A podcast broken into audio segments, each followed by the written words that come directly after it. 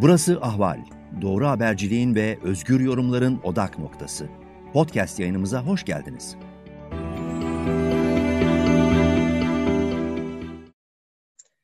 Ekonomi gündemine hoş geldiniz. Ben Güldem Atabay, Eser Karakaş'la beraberiz. Eser hoş geldin, nasılsın? Merhaba Güldem, sen nasılsın? Çok teşekkür ediyorum. İyiyim. Biz bayram tatilinden çıktık burada. Hani birkaç günlük böyle bir sakinlik var gibiydi. Sonra işte yasakların kalkmasıyla beraber bugün Gözler Bakanlar Kurulu toplantısında biraz yine mantık dışı adımlar var. O yasakların kademeli kaldırılışında herkes isyan etmiş durumda. Bakalım Bakanlar Kurulu'ndan ne çıkacak? Bir de bir destek paketinden bahsediyor. Ee, Bloomberg haberi bugün. Bakalım onlar ne şekilde gelecek. Sende ne var ne yok? Nasıl Valla yaramaz bir şey yok. Ee, sizin oralar sizin oralara yaz geldi. geldi Bizim bu. buralar hala kapalı, yağmurlu. 15 derece, 15 takı 15 derece bir bir derece yukarı çıkmıyor. Bir tık yukarı gitmiyor. 15 yani. derece de bir de yağmurlu hava insana şey yani keyif vermiyor yani. Evet doğru haklısın. Burası da bayağı haklı dediğin gibi yaz. Yani bu, bu Türkiye'yi en çok şey için özlüyorum vallahi o hava için özlüyorum yani. Evet doğrudur. Haklısın diyecek bir şey yok. Evet. Pardon. Ya bu haftaya e, aslında geçen haftanın e, Amerika enflasyonunun etkileriyle başladık. E, ABD'nin enflasyonu Fed'in e, daha önce sinyalini verdiği gibi yüksek geldi. E, ama bekleyenin de üzerinde geldi. 4.2 manşet tüfe, 3'te Evet, çekirdek enflasyon geldi. Arkasının üfe verisi de benzer bir seviyede geldi. Altının üzerine çıkmış durumda e, üretici fiyatları endeksi. Dolayısıyla ilk başta bir e, varlıkları satış geldi. E, ABD 10 yıllık tahvil faizleri işte 1.50'nin e, altından 1.70'lerin üstünü denedi. Ama orada kalıcı olmadı. 1.63, 1.65'lere tekrar geri döndü. Fed'in sakinleştirici açıklamalarının etkisi oldu diye düşünülüyor. Ama piyasalar bizde kapalıydı geçen hafta. E, Türk lirasının dolar karşısındaki değeri 8.50'ye ulaştı ve üstünü zorladı. E, Euro ile onun zaten üstüne geçti. Şimdi dolayısıyla bu haftaya nasıl başlayacağı e, piyasaların ya da TL'nin biraz önemliydi.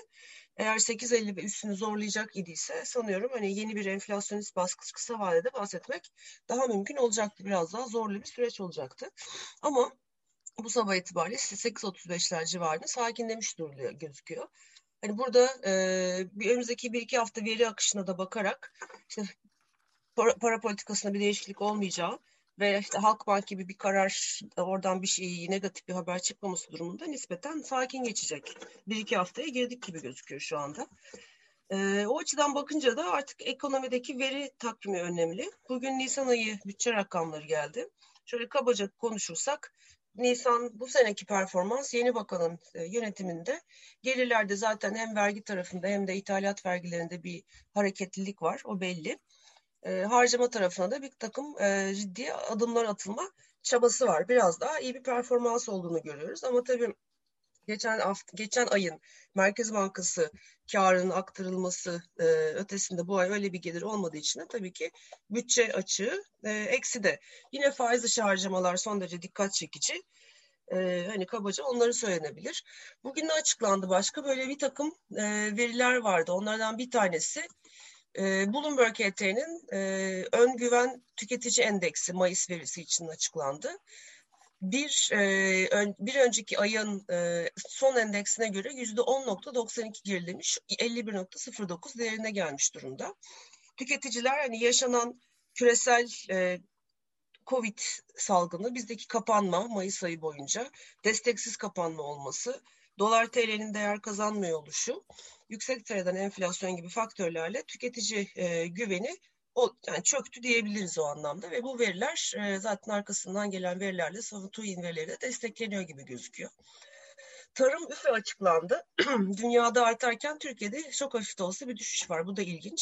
Mart ayında aylık 2.52 artarak 22.06 olan e, tarım üfe enflasyonu şimdi e, çok hafif bir gerilemeyle 0.79 azalarak Nisan ayında %21.77'ye gerilemiş. Ama tarım tarafında üretici fiyatlarının yüzde yirmi üzerinde seyrettiği ve buraya oturduğu gözüküyor.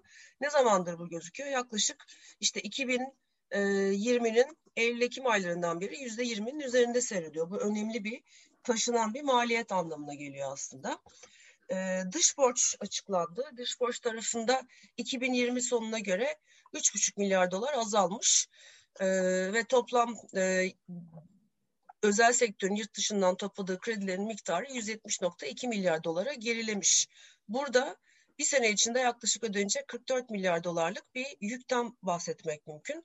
Ve bunlar işte Haziran, Temmuz e, ve Eylül aylarında yoğun e, ödemeler var. E, bu verilerden bir tanesiydi. Diğer taraftan şimdi bakıyorum başka atladığım bir şey var mı? Geçen haftanın anketleri vardı. AKP'nin oylarını özellikle İstanbul araştırmanın yüzde 27'nin de altında gösteren artık Cumhur İttifakı'nın oylarının toplamıyla işte Millet İttifakı'nın arasında bir fark oluşmaya başladı.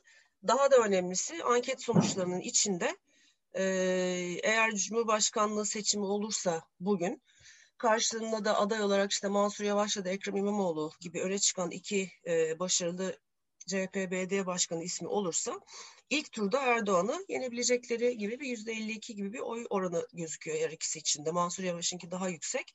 Bu ilginç bir gelişmeydi siyaset tarafında. Ee, tabii ki Sedat Peker günlükleri etkilemeye devam ediyor. Onu da konuşuruz. Bir taraftan da bugün detaylarını seninle birazdan ele alırız. TÜİK ilginç bir e, veri seti açıkladı. Buna, buna göre işte Türkiye'deki nüfusun yüzde 15.4'ü genç nüfus oldu. E, ve bu genç nüfusla ilgili e, bir takım istatistikler var. İşte 15-17 yaş grubu bunun içinde yüzde 28'ini oluşturuyor. 18-19 yaş grubu yüzde 20'sine hakim. 22-20-22 yaş grubu yüzde 31. 23-24 yaş grubu yüzde 20.4'ünde. 15.4'ün. O e, nüfus grubu ile ilgili çeşitli veriler var. Bunları konuşuruz. Ben hani uzun bir giriş yaptım. Şimdi susayım. Senin dikkatin neler çekti son bir haftada görüşmeyle ya da bunların teşekkür, üzerinden neler söylemek istersin? Te- teşekkür ederim. Ay, aylık bazda yaklaşık yani sadece bir şey ben bunu yıllardır söylüyorum ama e, yani e, nasıl yapılır onu da bilmiyorum. E, aylık bazda işte hisse senetleri piyasasından ya da devlet kağıtlarında falan 6 milyar dolara yakın para çıkışı var Türkiye'den. Hı hı. Şimdi, şimdi ben e, Geçen haftanın ödemeler dengesi verisini. Evet. evet Nisan ilgili. Şimdi bunu bu veriye şeyden ulaşıyoruz. Yani Merkez Bankası'nın kayıtlarına girdiğiniz zaman.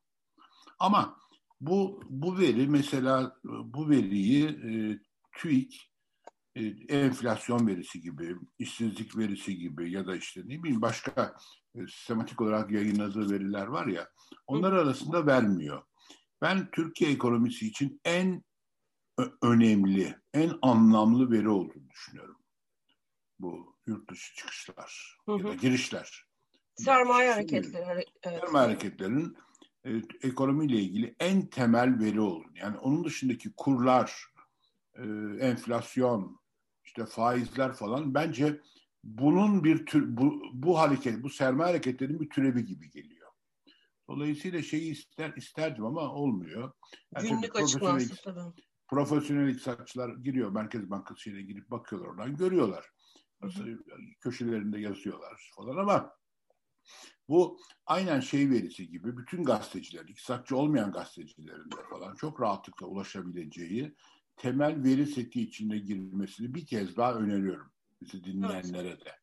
Anlatabiliyor muyum? Yani evet. çünkü Türkiye'nin en açıklayıcı şeyi bu. Sadece e, şeyleri yani kurlar, kurlar, faiz, enflasyon şey üzerinde değil. Yani Türkiye'nin hukuk ve siyasi gelişmelerini de oradan izleyebiliyorsun bir parça. Evet, evet. Anlatabiliyor muyum? Dolayısıyla bir kez daha öneriyorum TÜİK yetkililerine haddim olmayarak. Yani bu e, şey hatta ay, illaki aylık bazı da olması şart değil. Haftalık bazda da yapılabilir bu yani. Ne Hı-hı. olacak? Bir, bir şey değil. Haftalık bazda, aylık bazda ama yani en olabilecek en detaylı bir biçimde şeyin paylaşılmasını öneriyorum. Evet. Yani bu sermaye hareketleri şeyinin temel diğer istatistiklerle gibi ya tarım ürünleri fiyatları nasıl izliyorsak ve o tarım ürünlerinin fiyatları bütün e, senin söylediğin işte yani yüzde 21.77 artmış yıllık evet. bazda. Hı hı. Bunun alt şeyler de görüyoruz. Hangi ne tür ürünlerde ne kadar artış olmuş yıllık bunları görüyoruz. Görüyoruz yani. Yaş meyve sebzeden işte başka şeye kadar. Ee, Yani bir kere ilk saptamam o olacak. Sonra bu hafta önemli bir şey, e, bir eleştiri geldi TÜİ'ye. Senin de görüşünü almak istiyorum. Enflasyon hesaplaması ile ilgili yine bir eleştiri geldi. Şimdi enerji fiyatları yüksek. Hı hı. Ama enerji fiyatlarının şeyi nasıl giriyor e, enflasyon hesaplama paketine? Bir yüzde olarak giriyor. O da hane halkının ortalama gelirinin yüzde kaçını oluşturduğu temelinde giriyor değil mi? Evet. Enerji, enerji fiyatları. Şimdi TÜİK hane halkı ortalama gelirinin 10 bin TL olduğunu varsaymış aylık. Bu doğru mu? Çünkü buna göre hesaplandığı zaman o zaman e, yani e, ortalama hane halkı ortalama geliri 10 bin TL ise enerjinin e, bu enerji faturalarının payı da düşüyor. Çünkü şey arttığı için ne derler? Fiyatları arttığı için. Evet. Yani pay bölümü pay, payda, evet. payda bölümü arttığı için. Otomatiksel denklem değişti. Yani denklem değil de evet. E, içindeki evet yani bir matematik şey var evet, burada. Ama id, id, ama şeye bak hakikaten bir şeye bak. Türkiye'de ne kadar? 15 milyon civarında şey var. Ee, ne derler? Ee, hane halkı var galiba. Ondan sonra yani bu doğru mu bu 10 bin TL varsayımı emin değilim. Yani ben o konuda hani uzmanlığım yok ee, ama hani çok da fazla yorum yapamayacağım dolayısıyla. Yani bu ciddi Doğru bir eleştiriydi bu hafta TÜİK'e. Evet. Çünkü enerji fiyatları en yüksek artan fiyatlardan bir tanesi. Ve enflasyon sepetine çok etki yapmaması için de böyle bir şey yaptılar diyorlar. Yani işin uzmanları bunu açıklıyorsa kim ben bunu görmedim bu haberi. Ee, sen nerede okudun? Kim, kim eleştiri kimden vallahi gelmiş? Bilmiyorum, bilmiyorum vallahi bildim. Yani önümde böyle küçük bir karton kartotekstleri var. Gördüm. Not alıyorum ama yani yanına kaynağını yazmıyorum. Ne yalan söyleyeyim. Keşke onu, onu da yapayım önümüzdeki haftalarda. Dolayısıyla e, şimdi nerede gördüğümü hatırlamıyorum bu eleştiriyi. Ama şey bir eleştiriydi bu yani ne derler? E, daha akademik bir eleştiriydi. Öyle dedikodu eleştirisi değildi yani. Anlatabiliyor muyum? Ve önemli gibi önemli geldi. Ya bana. mantık mantık olarak dediğini anladım ve çok doğru geliyor ama hani altını doldurabilecek kadar o konuda bilgi sahibi değilim tam olarak nasıl yaptı, evet. yapması gerektiği konusunda inan ben de falso bu, konuda. Türkiye'nin en önemli problemlerinden bir tanesinde de bir sıkıntı var yine yani bu verilerle ilgili. Veri değil de daha, daha, daha da vahim hatta bu. Kamu, kamu özel işbirliği e, projelerinde e, şimdi bütçeden ödemeler e, mesela şehir hastanelerinde bundan sonra görülmeyecek diyorlar şeyde. Yani çünkü bunu Cumhurbaşkanlığı sitesinden Sağlık Bakanlığı sitesinden aktarıyorlar. Orada da işte başka bir hesapların içine konu, konu, konacakmış. Ve ayrı olarak sadece kamu özel işbirliği şeyine ne kadar kaynak aktarılıyor aylık bazda. Mesela şehir hastaneleri. Bu benim okuduğum haber onunla ilgiliydi. Ee, yani bunlar yapılmaması gereken şeyler. Çok çirkin şeyler. Öyle ama yani. hani öyle zaten ama yani. hani kurumsallık kalmadığı yerde hani aklına gelen istediğini yapıyor. Ya, şu, yani mantığı yani bunun mantığı da anlamıyorum. Bütçeden yapılan bir ödeme nasıl vergi mükellefinden vatandaştan saklanabilir bir ülkede ya? Ya da başka bir hesabın arkası saklanması gerekir. İşte bu, bu şekilde örtülüyor üstü. Ama bu zaten özel e, özellikle şehir hastaneleri ilgili yapılan yeni bir eleştiri değil bildiğim kadarıyla yani bir süredir bunların şeffaf bir şekilde gözükmediği, böyle rakamların içine alt kalemlerde gizlendiği, hatta işte bütçe detayına baktığın zaman bile e işte e, o, yani kolay kolay okunamadığından bahsediliyordu. Evet. Yani yani klasik bütçe ilkelerinden mesela e, safi usulün yasak olması diye bir ilke vardır. Hı hı. Ne demek Nedir? o? Safi usul, usul, usulün yasak olması mutlaka gayri safi usulü kullanacaksın harcı şeyden bütçede. Okay. O da şudur. E, mesela e, 10 lira kamu geliri elde etmek için mesela diyelim ki 3 lira e, harcama yapıyorsun. Ama sırf spesifik o 10, 10 lirayı üretmek için 3 lira harcama yapıyorsun. Bunu bütçede 7 lira olarak gösteremezsin. Bu çok temel bir kuraldır. Yani evet. 7 lira gelir elde ettik. Hayır efendim. Onunla üçü ayrı ayrı. Onu ayrı ayrı göstereceksin evet, diyor. Tamam. Ki yani buna bakan vatandaş ya da vergi mükellefi, vatandaş yani işte ya da ilgili kişiler, siyasi partiler, akademisyenler kim dersin, onu görsün. Yani yoksa mesela bunun mantığı şudur yani o 7 lira tamam elde edilmiş ama mesela 7 lira şey yapılmış şimdi yüzde 30 mu e, harcama yapılmış yüzde 50 mi yüzde 20 mi bunu göremezsin tek başına 7 lira gelir vardı dediğin zaman anlatabiliyor muyum? Tabii tabii bir de hani alternatif maliyetler vardır hani ekonomide bunu, bunu o yatırımı safi, yaptın öbürüne ne yaptın yani evet. Bunu safi usulün e, uygulanmama ilkesidir. Mutlaka gayri safi usulü kullanacaksın. Ama bu güzel bir mantıktır bu. Demokratik bir mantıktır. Tabii tabii tabii. Bir hem geliri hem harcamayı ayrı ayrı göstereceksin ki Hı. mesela orada şeyi de ölçebilesin yani verimliliği de ölçebilesin aynı zamanda.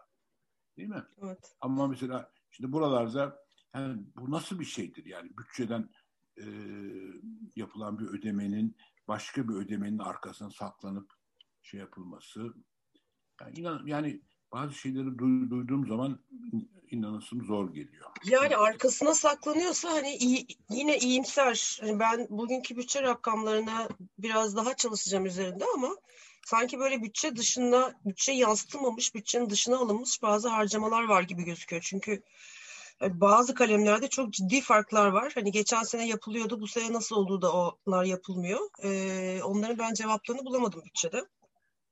O yüzden ben kendime, biraz da... Doğru ben kendime bir eleştiri getiriyorum. Yani çok e, gençken yani ben yani genç bir maliyeciyken şey derdim yani e, bütçe çok katı kurallar getiriyor. Esneklik sağlanması lazım. Dolayısıyla mesela Özal'ın getirdiği o e, fon sistemini o zaman desteklemiştim.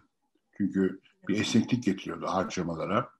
Ondan sonra fakat şimdi hele Türkiye'nin bu yaşadıklarını gördükten sonra klasik ilkelerin ne kadar da yaşamsal olduğunu gördüm. Evet, Kendime demo, demokrasiyle el ele olması gerekiyor. Sanırım. Tabii tabii tabii tabii. Yani böyle bir böyle bir kültürde bütün Her şey klasik şey, ilkeler Kötüye klasik il, klasik ilkeler bir milim sapmadan uygulanmalı. Evet. Evet, yani, inisiyatif hiç tanınmamalı çünkü ondan sonra işte tabii, şeyler başlıyor. Kötüye kullanmalar başlıyor. Evet. Korkunç şeyler çıkıyor. Aynen öyle. Ya başka şeyler de var. Mesela bu, bu, bu hafta böyle ilginç veriler var ama ekonomi dışı veriler ama tabii ne kadar ekonomi için ne kadar mesela su, su arıtma tesisleri var değil mi bir sürü yerler. Su arıtma tesislerinden elde edilen suyun sadece yüzde otuz yedisi temizmiş biliyor musun? Bilmiyordum. Şaşırdım. Sadece yüzde otuz yedisi temizmiş. Yani e, hıfzı sahaya uygunmuş. Evet. Yani hıfzı saha sağlığın korunmasına uygunmuş. Yüzde otuz yedisi sadece. Demek ne demek ne diyor bu?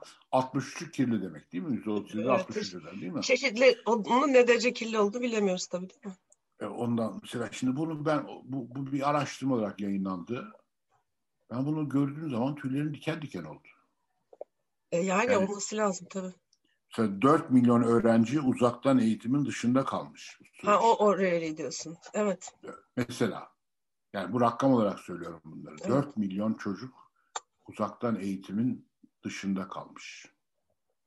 Evet. Ya o çocuklar zaten bir sene daha uzarsa, bir dönem daha uzarsa artık yaşam kayıp. boyu geride kaldılar. Evet. Kayıp, kayıp bir jenerasyon olacak. Aynen öyle. Bu konuda benim şahsi görüşümü söylemeye çekiniyorum. O da ayrı bir konu yani. yani tecrübeli bir üniversite öğretim üyesi olarak ve e söyle.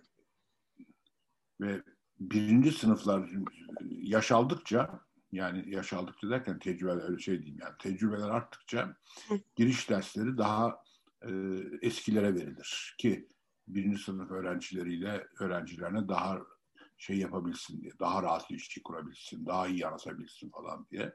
Ben e, hem çok yüksek puanlarla e, çok yüksek puanlı öğrenci alan bölümlerde hem de vakıf üniversitelerinde ve dolayısıyla ortalama olarak daha e, düşük puanlı öğrenci alan yerlerde ekonomiye giriş dersleri verdim senelerce. Orada şöyle bir gözlemim var. Yani bunu söylemeye çekiniyorum. Mesela işte gazeteci Nagihan Alçı kaç gündür ısrarla yazıyor yani. İşte şeyler açık, e, ne derler, AVM'ler açık, okullar kapalı bu nasıl rezalet diye. Şey ya yok ben ona değil çok özür dilerim Nagihan Alçı. Anla, anla, özür şey gazeteci şey demene verdiğim için özür dilerim. Hayır, sen, gazete, sen, bir dakika, gazeteci demene takıldım ama, ben. ama ben ama ben hayır ama ben on, ben benim evet, şahsi yani, evet. Nagihan'ın söylediğinin tam tersi. Hmm. Lisede lise eğitimi bak bunu bunca yıllık bir tecrübeyle söylüyorum. Türkiye'de o kadar kötü ki taş çatlasa 30 lise var diyorum Türkiye'de. bak bunu çok ciddi söylüyorum. 30 lise. 31 yok yani. 30 lise var. O 30 liseyi de e, iyi niyetli olarak söylüyorum. Yani belki daha da altında hatta. E, bunların dışından gelen öğrenciler üniversite birinci sınıfa sıfır gelmiyorlar. Negatif geliyorlar. Yani neden negatif geliyorlar?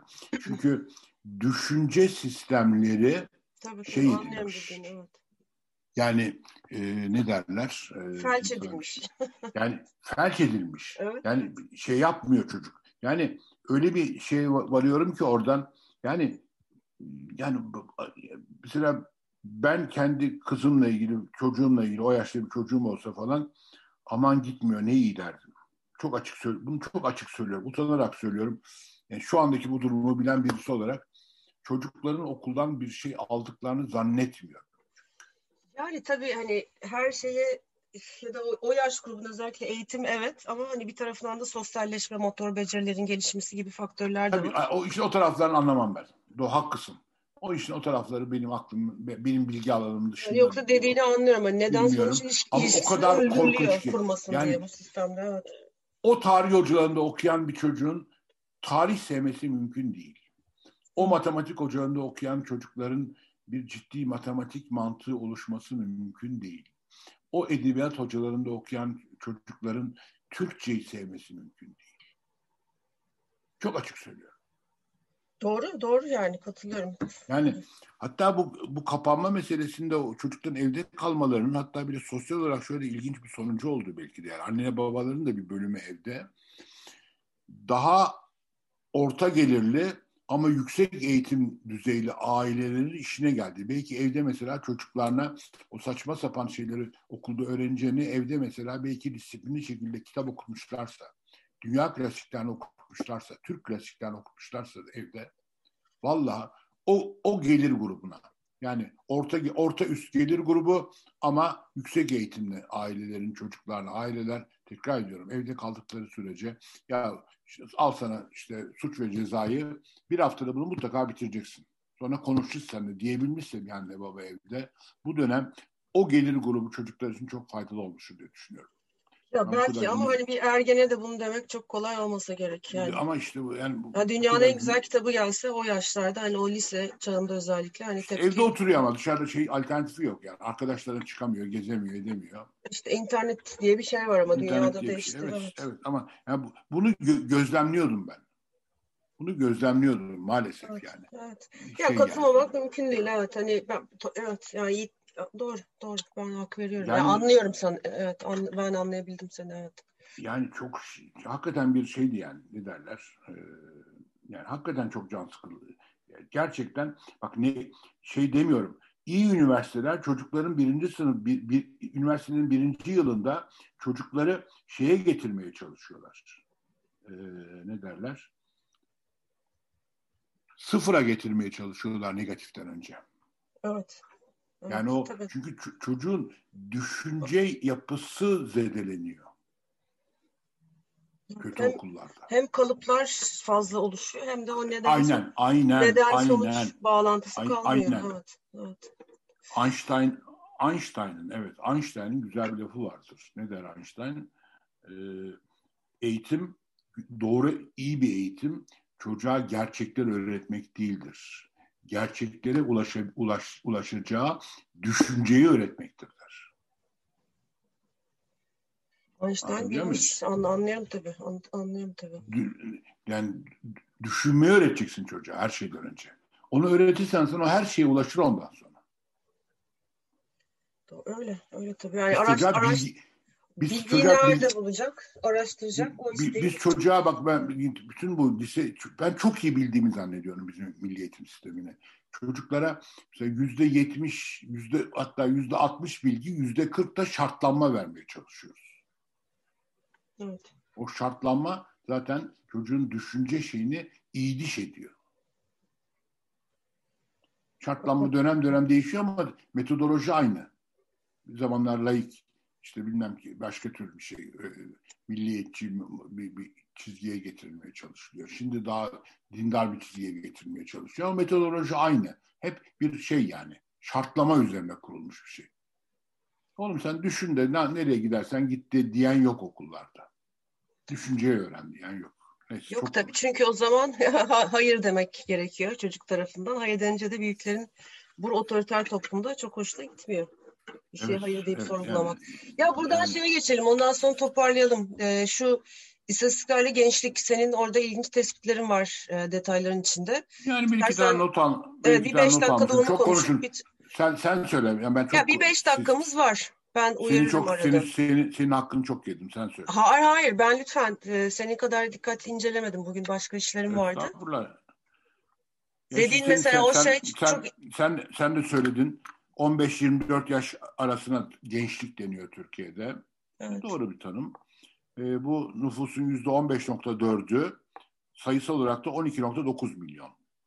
Evet. 20-22 yaş arası ise bu gençlik denen 15-24 yaş grubunun yüzde 31.3'ü 20-22 yaş arasında. Evet.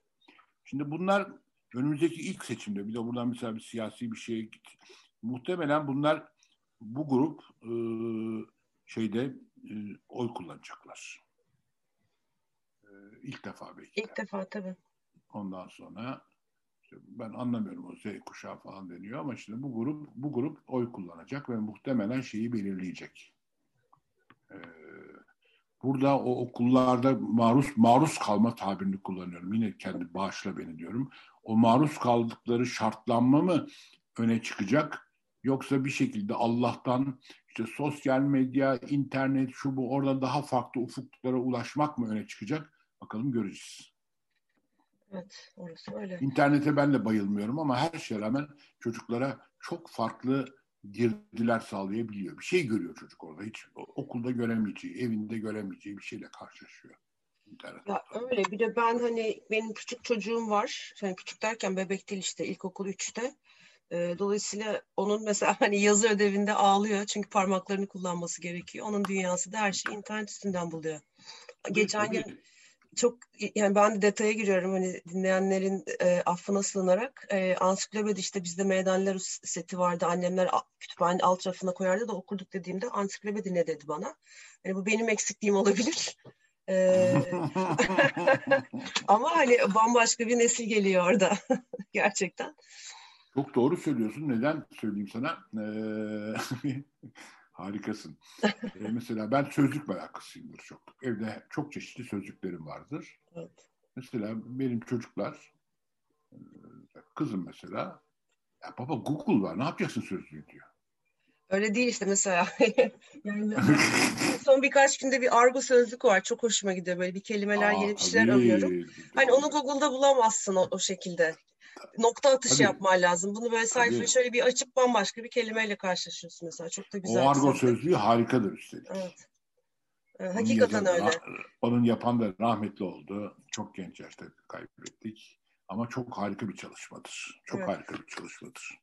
Yani evde evet. işte bunun gibi kaynaklar var ama hani bunların bir ansiklopedi kaynak olarak mesela benim çocuğum bakmayı bilmiyor. İşte sözlük olarak biliyor, mitoloji sözlüğünü biliyor, bir şey biliyor. Ama böyle bir hani o şeyi anlatamadım ona. E-Google'da var hepsi zaten diyor. Dünyadaki bütün bilgiler o ansiklopedi setinde Meydanlar Ruslar'da vardı dediğim zaman nasıl olabilir? Mümkün değil, sığmaz. Google'a daha çok var. Hani mantıklı da söyledikleri vesaire vesaire. bambaşka bir bambaşka evet. bir isim var. Evet. Bir de şunu söyleyeyim. E, o, bu da önemli yine siyaseten. 15-17 yaş grubu da %28.6 yine genç nüfusun. Evet. E bunların da 17 yaş, 16-17 yaş grubu da seçim 23'e kalırsa seçmen oluyorlar. Oluyorlar evet. Yani aşağıdan kuşağı, evet. böyle bir e, şey geliyor. E, bir e, bilinmeyen bir hareket geliyor. Geliyor. Bu genç nüfusun oranının da 2080'e kadar %15'lerden %11 seviyesine kadar da evet. düşmesi yani bekleniyor. Doğum oranı normal, düştükçe tabii. tabii. Evet yani o da mantıklı. Ama kötü kötü kötü istatistikler de var. Mesela bu 15-24 yaş arasında evli genç kadınlar ya, evet. evli genç erkeklerden 4 kat daha fazla. Bu yani aşağı yukarı bunun ne kadarı 18-15 yaş grubu onu vermemiş TÜİK. Ama hani çocuk yaşta evlendirmeler evet. Burada şey giriyor maalesef. Ya çocuk yaş olmasın işte en üretken çağında bir işe gidip meslek edinebileceği yaşlarda ee, hani o işte 24 yaşına kadar olan grup bunların çoktan tabii, evlenmişler tabii. köşelerini bulmuşlar. Tabii, tabii tabii tabii. Hani bu çok büyük kayıp. Çok büyük kayıp. Ve evli genç kadınlar yani bu yine bu yaş grubunda yani 15-20 şeyden e, evli genç kadınların eğitim düzeyinde eğitim düzeyine baktığın zaman sadece yüzde on beşi eşinin eğitim, erkek eşinin yani erke, erkekten kocasından daha ileride. Yüzde seksen beşinde daha geri kadınlarda. Bu da çok can sıkıcı bir Çok can sıkıcı gerçekten. Çok can sıkıcı bir istatistik. Yani ve, ama bir de tabii çok geniş bir de şey var yani ne eğitim alan ne istih, ne eğitimde olan ne istihdamda olan genç nüfusta e, çok yüksek bir grup var. Yani o da yani çalışmıyorlar, eğitimde de değiller. Oturuyorlar. Evde ya da kahvede. Evde de kahvede evet. İşte. Yani bu bu şey bir şey yani nasıl çözüleceği bilinmeyen bir şey yani. Ya bu, bu aslında yüzde, yüzde 28'i bu grup yani genç nüfusun yaklaşık yüzde otuzu ne eğitim alıyor ne çalışıyor. Şimdi bunlar ne yapacaklar? Bunlar, ne yapacaklar bu bir ileride? nesil kayıp demek. Bu 15 senelik, 20 senelik bir böyle tam yani ileride bu pres, insanlar nasıl geçinecekler? Evet. Nasıl iş bulabilecekler? Evet. Bu insanlar ne yapacak işte? Sosyal doku böyle böyle bozuluyor zaten ama. Bir de tabii en korkunç istatistikle şöyle bir şey yayınlamış. Belki önümüzdeki dönemler kaldırırlar onun için ben not ettim günde bir kez, günde bir kez diyelim bir elma, yani bir adet meyve ya da bir, bir mandalina, bir portakal, bir elma, bir muz yiyenlerin oranı genç, genç nüfusta yüzde 48'miş. Bu da çok korkunç bir şey. Yüzde evet. 52'si zaten yemiyormuş. Acaba et yiyenlerin oranı kaç? Onu vermemiş ondan sonra. Şimdi bu da yüzde 40'a düşmüş ama. Evet. Yüzde 48'miş. Düşükmüş, ee, düşmüş. Yüzde 40'a düşmüş. Yani şu anda bu 15-24 yaş arası gençlerin yüzde 60'ı günde bir tane meyve ya da yaş, yaş sebze ya da salata yemiyorlar. Evet. O, o da 20-24 yaş grubunda daha çok düşmüş görüyorum şimdi evet. Yani anlatabiliyor muyum? Yani bu fakirliğin şey boyutu bu yani çok böyle iç acıt, acıtıcı bir şeyi. Peki yüzde 47'si mutlu olduğunu belirtiyor. Bir de yüzde 47'si mutlu, evet, mutlu ama bu da 56.7'ymiş 2019'da. Yani aslında çok dramatik bir düşüşte orada orada da var. Or, or, orada var evet. ama bilmem yani bilmiyorum. Hakikaten sıkıntı. Çok sıkıntı tabii tabii çok büyük sıkıntılı evet. Ama mesela çok gırgır bir istatistikle söyleyeyim. Çok rakam çok rakam söyledik. Bu tür yayınlar için bu kadar rakam telaffuz etmek iyi midir bilmiyorum ama 2001, 2021 için Kütahya'daki meşhur Zafer Havaalanı var ya. Hı hı, evet. Uçuş garantisi ve, ve, ve şampiyonluğunu yapan gelen, evet. e, 1 milyon 317 bin uçuş garantisi verilmiş evet, evet. 2021 için. E, ilk 4 ayda ilk 4 ayda 61 kişi uçmuş. Onu, onu ben sabah haberlerde gördüm evet. Geçen sene yani, de benzer bir rakam var. Aa, işte şey deniyor zaten. Zaten uçak yani şey personeli taşımış deniyor. Daha çok. Allah bilemiyorum. Bir de bu rak Bunlar rakamlar... ama garantiler var. Arkasında ödemeler var bunların tabii. Rakamlar da mesela Sayın e, Süleyman Soylu'nun İçişleri Bakanımızın e, bir danışmanı var. Ali Faik Hacıoğlu diye. O da kendini acındırmak için arabam 877 bin TL demiş. Ya bir şey yok ortada fazla demiş. Arabam mı? Ev, evim o galiba. Hayır hayır. E, hayır evi ha. 5 milyon. Arabası kendisi söylemiş. Üstelik yarısını da borçlanarak aldım demiş arabanın. 877 bin TL araba. Okey. Yani şimdi bu bir danışman. Bu, bu şimdi bunu so Karadenizli bir aile bunlar. Şimdi ev yaptırıyormuş orada babası ailesi. Şimdi bir bir, bir danışman İçişleri Bakanı'nın danışmanı Ali Faik Hacıoğlu. Şimdi 877 bin TL bir araba aldığı zaman şimdi bürokraside bu sorgulanmaz mı? Nasıl bir şeydir bu diye. Ya bunların sorgulaması işte gün olacak devran döndüğünde bu önümüz seçim. Hani anketler belli bir yöne doğru işaret ediyor. O değişim inşallah gerçekleşirse arkasından bütün bunların hesap sorma süreçleri başlayacak. Sanıyorum önce bir restorasyon hükümeti olacak zaten. O dönemde eş zamanlı bütün bunlar yapılacak. Yani şu anda işte İkizdere'de isyan eden köylülerin önce gidiyor bakanlar konuşup anlatmaya çalışıyor. Halk isyan ikna olmuyor. Arkasından işte Tomalar gidiyor bugün. E, gösteri yasağı geliyor. Kime? Cengiz Holding'e karşı gösteri yapamıyorlar. Sokağa çıkamıyorlar kararla. Yani bu bunlar artık çok çok e, kör gözün parmağına adımlar. Her tarafta talan var. Her tarafta işte acayip işler var. Bir şey boyutunda çok çok garipsiyorum. Yine tabir çok politically correct olmayacak ama ya bu böyle bu kadar lüks araba merakı da yani. Şimdi bu 100 bin dolarlık bir araba eder en azından yani bugünkü fiyatlarla daha da fazla hatta. Yani al şöyle 100-150 bin liraya bir araba bin işte kardeşim yani nedir bu gösteriş bu bir şeylik böyle bir ne derler yani kelime söylemek istemiyorum başıma dert almamak için yani. Ama ama hani onu açıklaması da bence çok net. Hani burada çünkü bir rant paylaşımı var bak ben işte o partili oldum, bu partinin yanına oldum, arabam bu oldu. Hani sen de bize destek var, sana da bu şey. Hani o bir havuç sallamak. Ya bu simgesel bir durum. Hani başörtüsü simge olmaktan çıkalı çok oldu artık. Bunlar simge. Bu tip durumlar simge. Ne yazık ki. Yani bilmiyorum.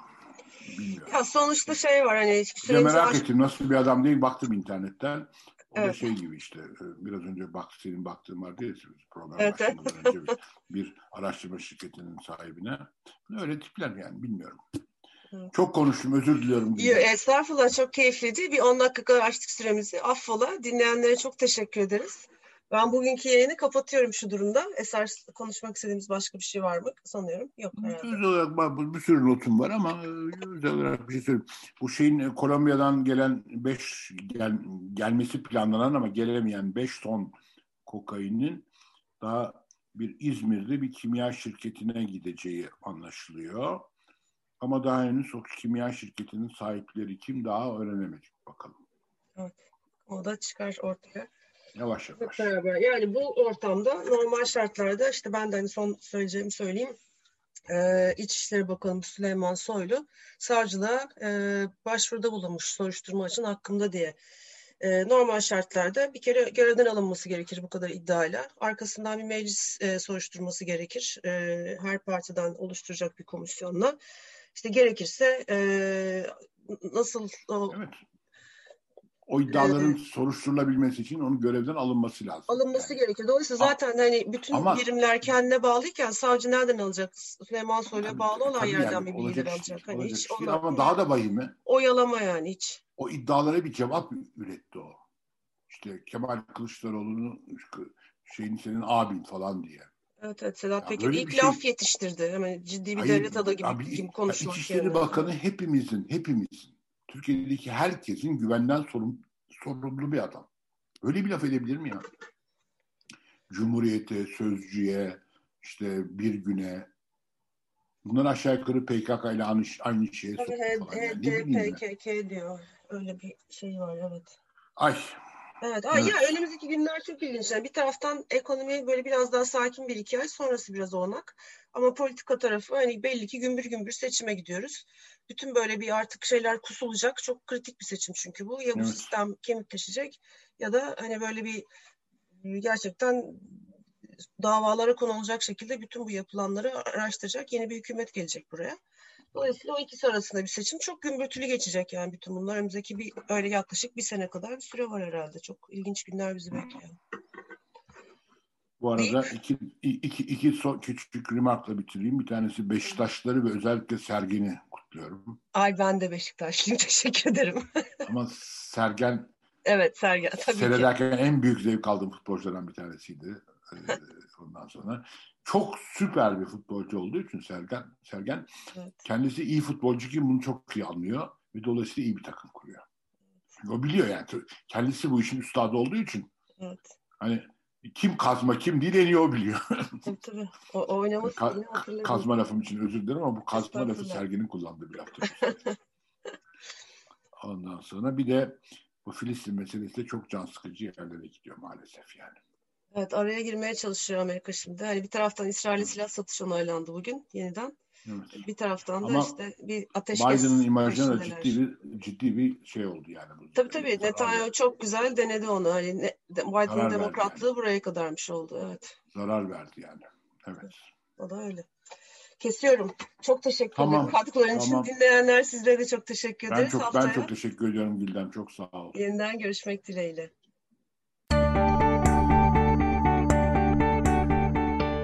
Ahval podcastlerini tüm mobil telefonlarda Spotify, SoundCloud ve Spreaker üzerinden dinleyebilirsiniz. Apple iPhone kullanıcıları bize iTunes üzerinden de ulaşabilir. Türkiye'nin ve hayatın cıvıl cıvıl sesleri Ahval Podcast dizisinde. Kulağınız bizde olsun.